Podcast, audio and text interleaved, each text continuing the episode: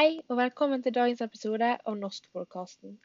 I dag skal vi snakke om modernismen, og hvordan perioden har påvirket litteraturen. Men hva er egentlig modernisme, og hva har det med dagens samfunn å gjøre?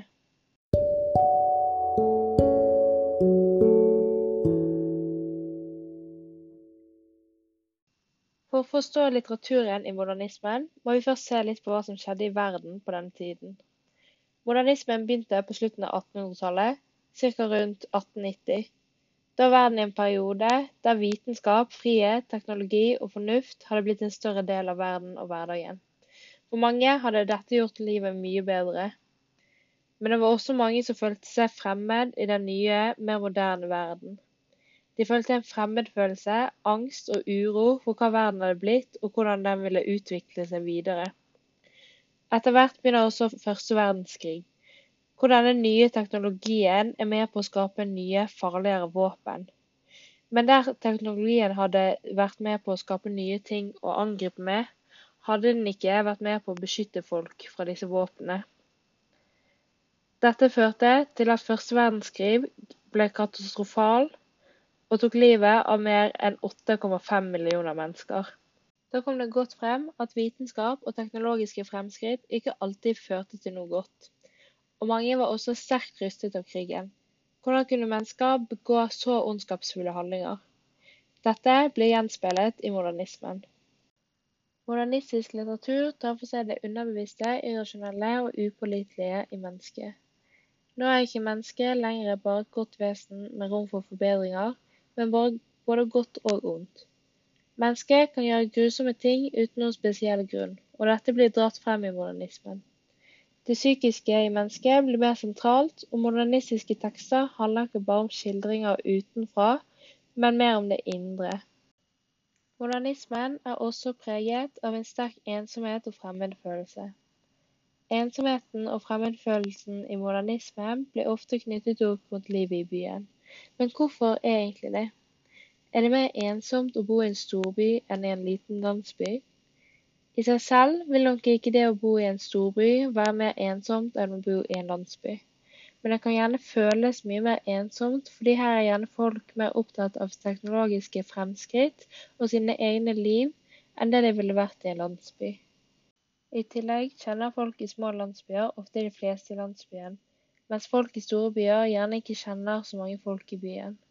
En annen grunn kan være at teknologiseringen kom tydeligere frem i byene enn det det gjorde mange andre steder.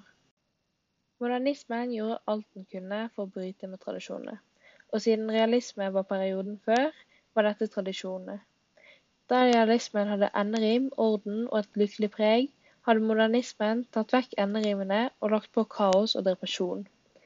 Realismen tok opp samfunnsproblemer, men modernismen gikk nå vekk fra samfunnets problemer og fokuserte på individene i samfunnet. Gjerne de som ikke passet helt inn i dette samfunnet og sto litt utenfor det. I realismen var det også meningen å kjenne seg igjen i personene det ble skrevet om.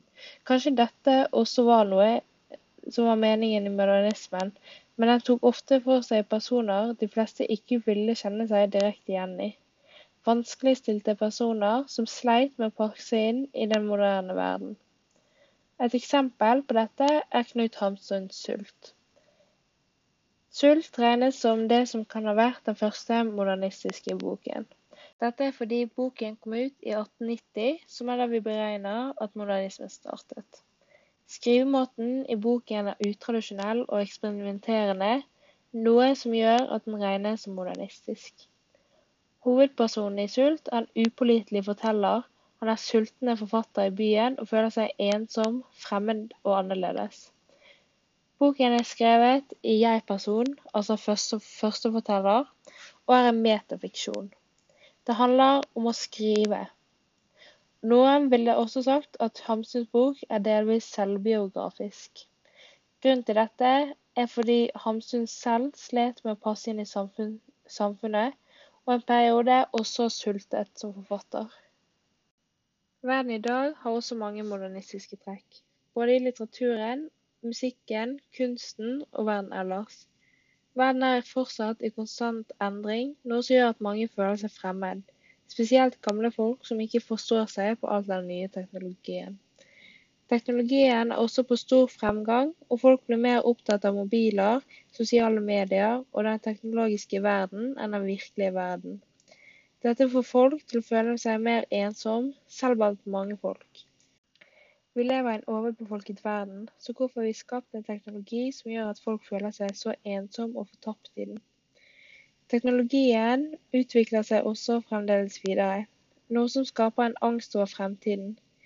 Denne angsten og uroen for fremtiden finner man i dagens litteratur, spesielt siden vi er inne i perioden postmodernisme, som er en gren fra modernismen. Spørsmålet er, vil vi noen gang komme oss vekk fra modernismen?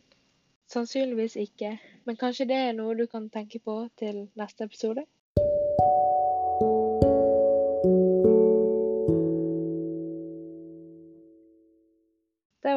For dagens episode av Norskpodkasten.